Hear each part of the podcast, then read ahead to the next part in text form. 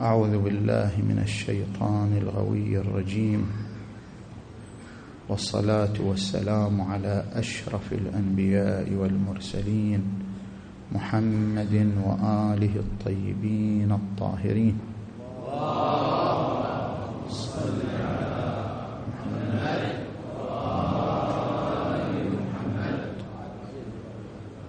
بسم الله الرحمن الرحيم.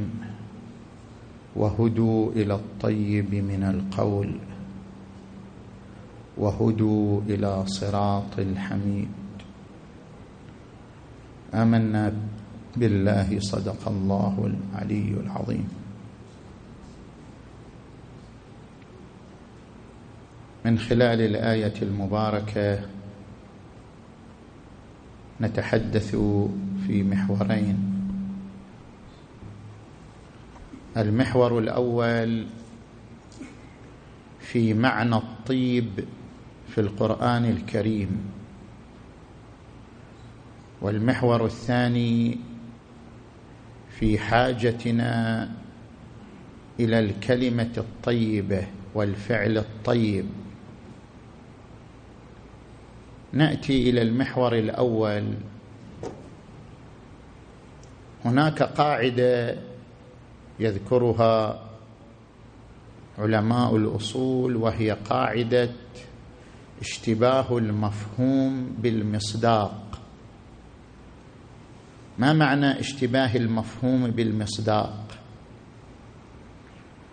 يعني أننا إذا وجدنا لفظا تكرر في عدة آيات من القرآن الكريم قد نتصور أن لهذا اللفظ معاني عديدة ومفاهيم عديدة.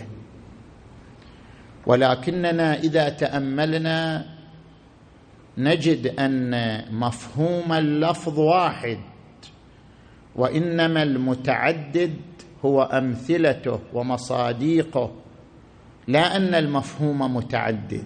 فلنضرب لذلك مثال. عندما ترد كلمة كتاب في القرآن الكريم. كلمة الكتاب وردت في عدة آيات. مثلا قوله عز وجل قالوا ما لهذا الكتاب لا يغادر صغيرة ولا كبيرة إلا أحصاها. مثلا قوله تعالى ألف لام ميم ذلك كتاب لا ريب فيه هدى للمتقين. مثلا قوله ولا أصغر من ذلك ولا أكبر إلا في كتاب مبين.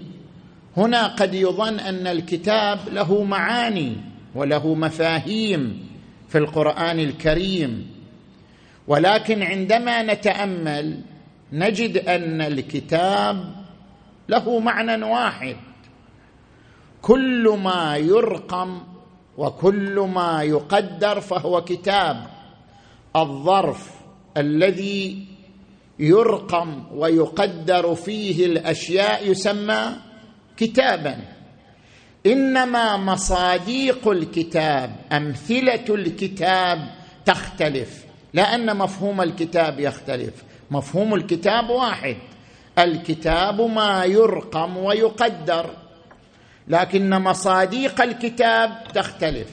المصداق الأول للكتاب كتاب الأعمال. كل إنسان عليه كتاب أعمال. عن اليمين وعن الشمال قعيد ما يلفظ من قول إلا لديه رقيب عتيد. كتاب الأعمال. كتاب الأعمال هو الذي عبرت عنه الآية المباركة قالوا ما لهذا الكتاب لا يغادر صغيرة ولا كبيرة إلا أحصاها يرقم ويقدر أعمال الإنسان. وعندنا مصداق ثاني للكتاب مو مفهوم ثاني مصداق ثاني للكتاب ألا وهو القرآن الكريم. في قوله عز وجل ألف لام ميم ذلك الكتاب لا ريب لا ريب فيه هدى للمتقين. القرآن الكريم مصداق من مصاديق الكتاب لأن القرآن يرقم فيه التشريعات وتقدر فيه الأوامر والنواهي الإلهية. وعندنا مصداق ثالث للكتاب ألا وهو كتاب الكون. هذا الكون الذي نعيش فيه هو كتاب. كتاب قدرت فيه الأمور. قال تبارك وتعالى وعنده مفاتح الغيب لا يعلمها إلا هو ويعلم ما في البر والبحر. ويعلم ما في البر والبحر وما تسقط من ورقة إلا يعلمها ولا حبة في ظلمات الأرض. ولا حبة في ظلمات الأرض ولا رطب ولا يابس إلا في كتاب مبين. إلا في كتاب يعني كتاب تقدير الكون كتاب ترقيم هذا الكون. اذا الكتاب معناه واحد وأمثلته تختلف مصاديقه تختلف. هنا أيضا عندما نأتي للطيب الطيب في القرآن الكريم. الإنسان لأول وهلة عندما يقرأ الآيات التي تتعرض إلى الطيب. مثلا قوله عز وجل وهدوا إلى الطيب من القول قول طيب. عندما يأتي مثلا إلى آية أخرى ألم تر كيف ضرب الله مثلا كلمة طيبة كشجرة طيبة أصلها ثابت وفرعها في السماء. عندما يأتي مثلا إلى قوله تعالى فتيمموا صعيدا طيبا فامسحوا بوجوهكم وأيديكم منه. يتصور أن الطيب له معاني في القرآن الكريم. لا طيب له معنى واحد. مصاديقه وأمثلته تختلف فلا يشتبه علينا المفهوم بالمصداق. المفهوم واحد والمصاديق متعددة. الطيب بمعنى الخلو من الدنس. الطيب من خلا من الدنس. الطيب الخلو من الدنس. فالطيب له معنى واحد لكن مصاديقه متعددة. ما هي مصاديقه؟ الآن أذكر لك مصاديقه. المصداق الأول للطيب بمعنى الطهارة.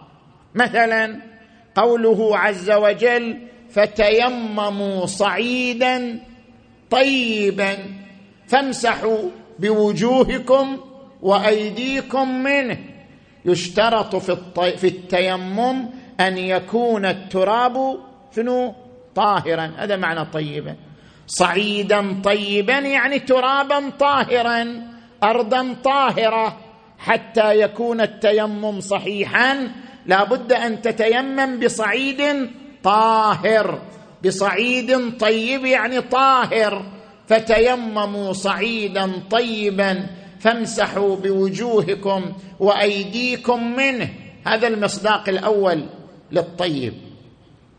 المصداق الثاني للطيب بمعنى الخلو من الدنس بمعنى الخلو من دنس الدنيا من دنس المادة من دنس الذنوب. هل أضرب لك مثال؟ مثلا قوله عز وجل وقال لهم خزنتها سلام عليكم طبتم. فادخلوها خالدين. شنو معنى طبتم؟ نحن نقرأ في زيارة الحسين عليه السلام السلام عليكم طبتم وطابت الأرض التي فيها دفنتم وفزتم والله فوزا عظيما. ما معنى طبتم وطابت الأرض التي فيها دفنتم؟ الطيب هنا بمعنى النقاء. يعني أنتم أنقياء جسدا روحا فكرا كلكم نقاء. ليس فيكم شائبة ذنوب ليس فيكم شائبة معاصي ليس فيكم شائبة دنس. طبتم وأورثتم الطيب حتى للأرض التي فيها دفنتم. لما حل الطيب في تلك الأرض أصبحت الأرض طيبة خالية من الدنس خالية من من الملوثات. طبتم وطابت الأرض التي فيها. دفنتم. ولذلك نحن نقرأ في بعض الزيارات. السلام عليهم وعلى أرواحهم وعلى أجسادهم وعلى أجسامهم. كل شيء يرتبط بهم نقي سلام. السلام والسلام عليهم وعلى أرواحهم.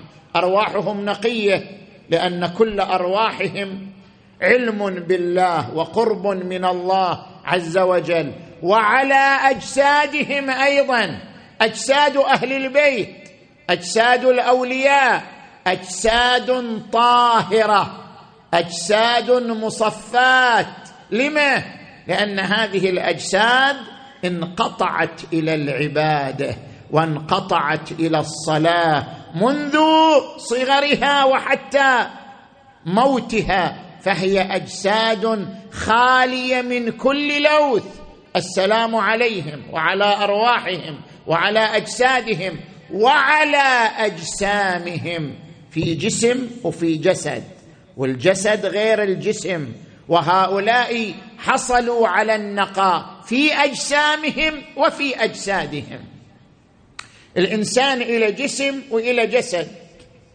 هذا الجسد هو المادي الذي يفنى في التراب ويضمحل في التراب. والجسم هو صورة الروح الروح متشكلة بجسم معين لكن هذا الجسم ليس مادي.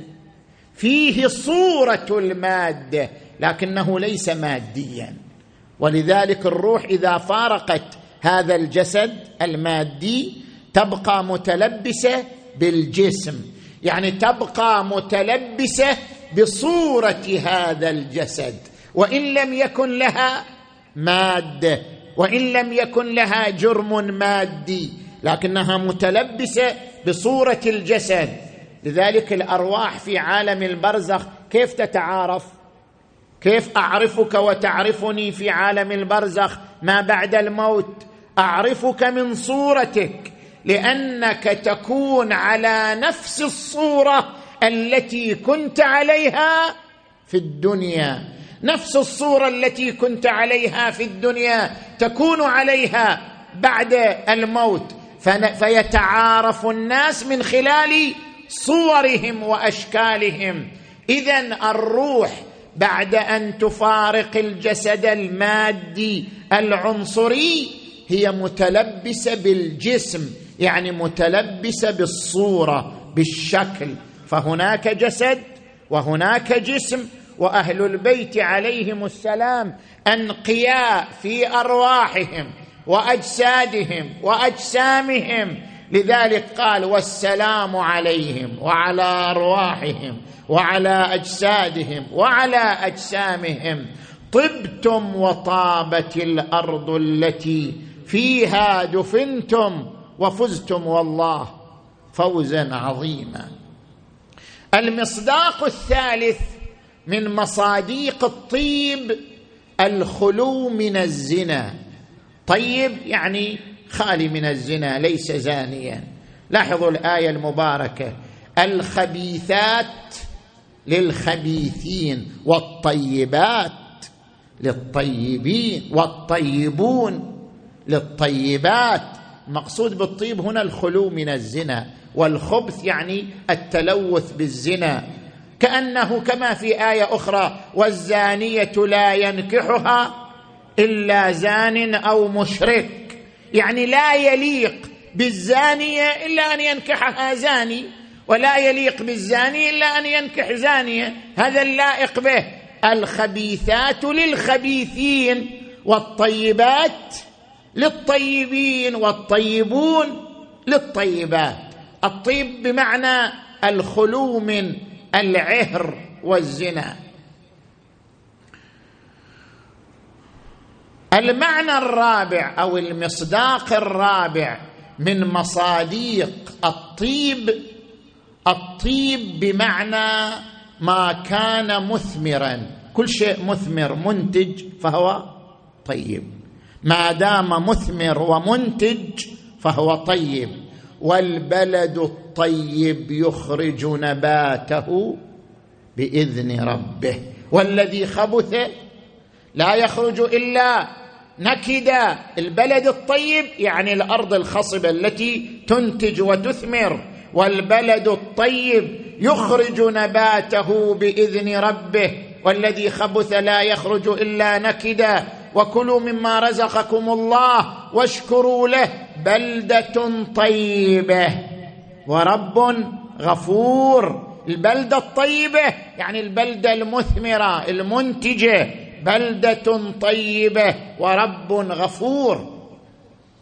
من هنا بنفس هذا المعنى بنفس هذا المعنى يعني الطيب بمعنى المثمر والمنتج. قال تبارك وتعالى ألم تر كيف ضرب الله مثلا كلمة طيبة كشجرة طيبة أصلها ثابت وفرعها في السماء تؤتي أكلها كل حين بإذن ربها ويضرب الله الأمثال للناس. الكلمة الطيبة يعني الكلمة المثمرة.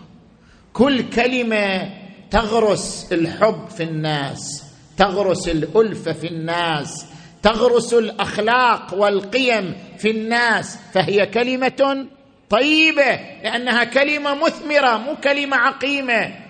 هناك بعض الكلمات كلمة عقيمة. تحدث البغضاء في الناس تحدث العداوة في الناس تحدث المشاكل النفسية والاجتماعية في الناس. هذه كلمة خبيثة. وهناك كلمة تزرع الحب والألفة والقرب بين الناس. فهي كلمة طيبة كلمة طيبة كشجرة طيبة أصلها ثابت وفرعها في السماء تؤتي أكلها كل حين بإذن ربها. ومثل كلمة خبيثة كشجرة خبيثة اجتثت من فوق الأرض ما لها من قرار. اذا الكلمة الطيبة هي الكلمة المثمرة. ولذلك قال تبارك وتعالى في آية أخرى وهدوا إلى الطيب من القول. الوصول إلى الكلام الطيب يحتاج إلى هداية أيضا. مو كل إنسان دائما يصدر منا الكلام الطيب. حتى يصدر منك الكلام الطيب تحتاج إلى توفيق وهداية من الله. وهدوا إلى الطيب من القول. وهدوا إلى صراط الحميد. فالقول الطيب والكلم الطيب والكلمة الطيبة هي عبارة عن الكلمة المثمرة الكلمة المنتجة.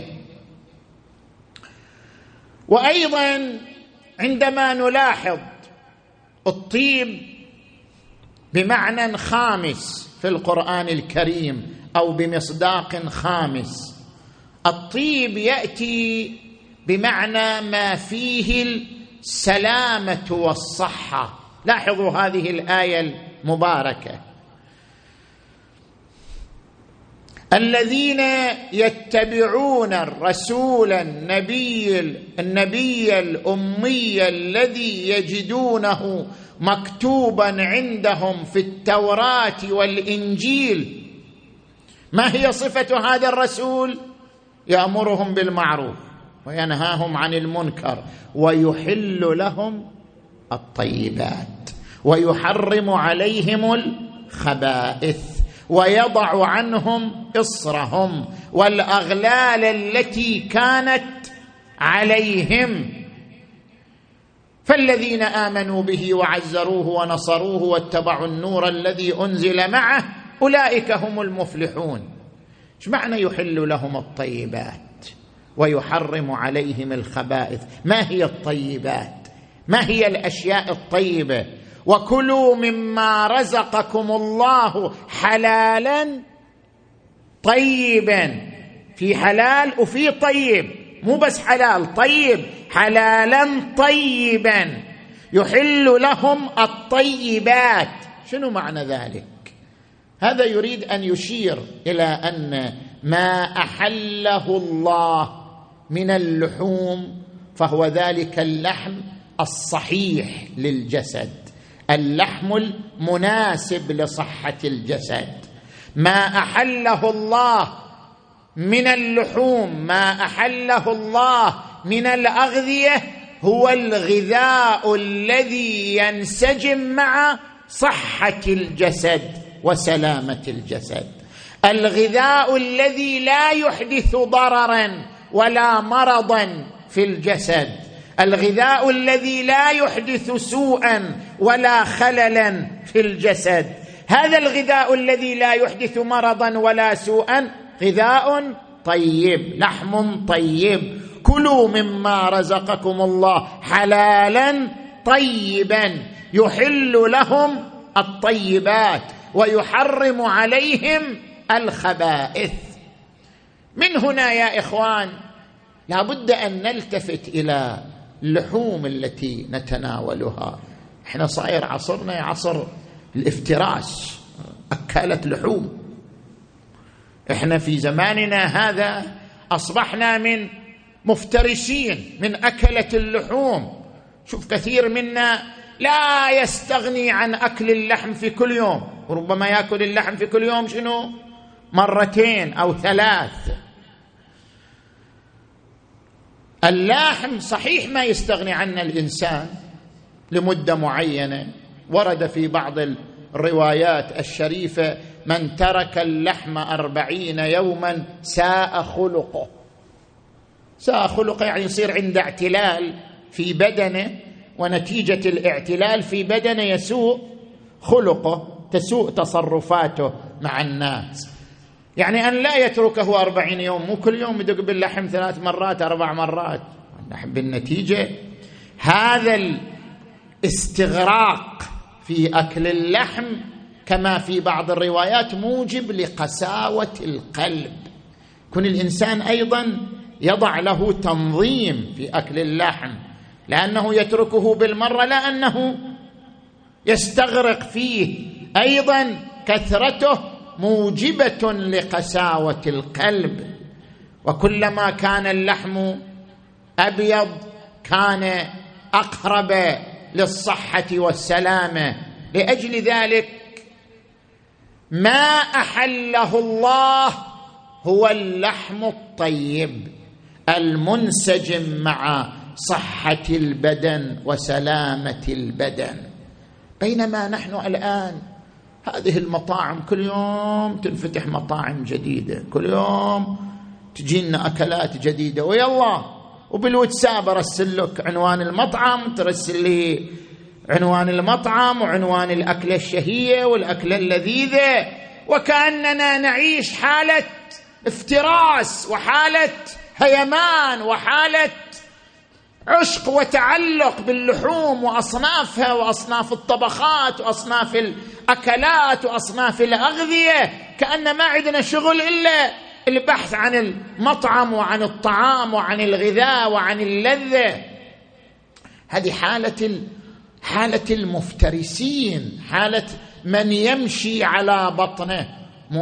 القرآن الكريم ذكر أصناف واحد يمشي على بطنه واحد يمشي على رجليه واحد يمشي على أربع إحنا ما مشينا على أربع لكن نمشي. إحنا ندخل في من يمشي على شنو؟ بطنه. إذا كان البطن هو الذي يقودنا وهو الذي يحركنا فنحن مصداق لقوله من يمشي على بطنه. إحنا نمشي على بطوننا نجري على بطوننا. بالنتيجة هذا الاستغراق في أكل اللحوم هو في حد ذاته غير صحي فكيف إذا كان من دون تدقيق في أنه حلال أم حرام؟ كيف؟ هذه مشكلة ثانية. نفس الاستغراق في أكل اللحوم كل يوم. نفس هذا الاستغراق. عمل غير صحي وعمل فيه حزازة شرعا. فكيف إذا كان من دون مبالاة؟ بكون اللحم حلالا أو حراما. وسافرنا إلى البحرين يلا كل. سافرنا إلى الإمارات يلا كل. سافرنا إلى أي مكان يلا ماكو مانع. كلوا كلوا. مكتوب عليه حلال صار حلال كأن اللي كاتب الحلال جبرائيل عليه السلام. ما دام مكتوب عليه حلال خلاص بعده حلال. يا أخي لازم يصير عندنا. تحرز لازم يصير عندنا احتياط لازم يصير عندنا تثبت. انتشرت انتشر الأكل الحرام وانتشرت الميتة وانتشرت اللحوم غير المذكات. وهذه اللحوم غير المذكات أو لحوم الميتة تحمل الخبث. في لحم طيب وفي لحم خبيث. هذه اللحوم تحمل الخبث. إما خبث صحي يوجب خللا في صحة البدن أو خبث روحي يوجب قساوة في القلب واعراضا عن ذكر الله تبارك وتعالى. ولذلك خاطب الحسين عليه السلام ذلك الجيش الأموي المصر على قتاله قال ملئت بطونكم من الحرام. فقست قلوبكم فهي كالحجارة أو أشد قسوة. نتيجة لعدم مبالاتكم باللحوم. تأكلون كل شيء بين أيديكم. ملئت بطونكم من الحرام. فقست قلوبكم. فهي كالحجارة أو أشد قسوة. اذا علينا أن نتثبت علينا أن نسأل. عن المطعم المتحرز عن الرجل المتحرز عن القصاب المتحرز. علينا أن نشجع هذه الحالة حالة التحرز حالة التثبت حالة الاحتياط حتى نقي أبناءنا وأجيالنا من اللحم الخبيث ونقودهم إلى اللحم الطيب. اللحم المنسجم مع صحة البدن وصحة الروح. اللحم الخالي من الخبث من الخبث المادي والخبث الروحي.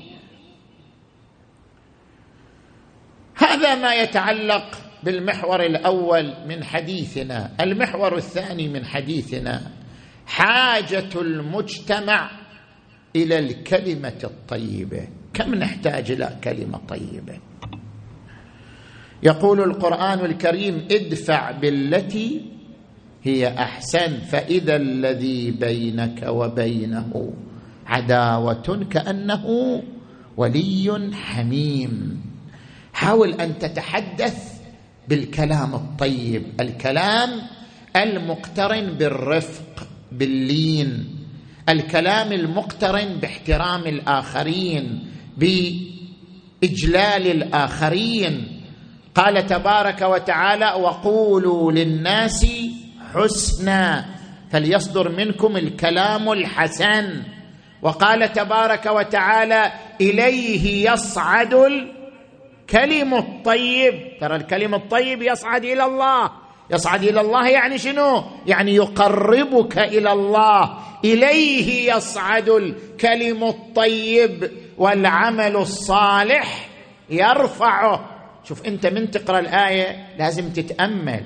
شهر رمضان شهر قراءة القرآن وشهر شنو؟ التدبر والتأمل في القرآن. أفلا يتدبرون القرآن ولو كان من عند غير الله لوجدوا فيه اختلافا كثيرا. أفلا يتدبرون القرآن؟ أم على قلوب أقفالها؟ هل قلوبنا مقفلة أم قلوبنا منفتحة؟ هل نحن ممن قال فيه عز وجل أفمن شرح الله صدره للإسلام فهو على نور من ربه؟ قلوبنا منيرة منشرحة. اما أن قلوبنا تدخل تحت قوله ومن يرد أن يضله يجعل صدره ضيقا حرجا كأنما يصعد في السماء. إحنا من أي قسم؟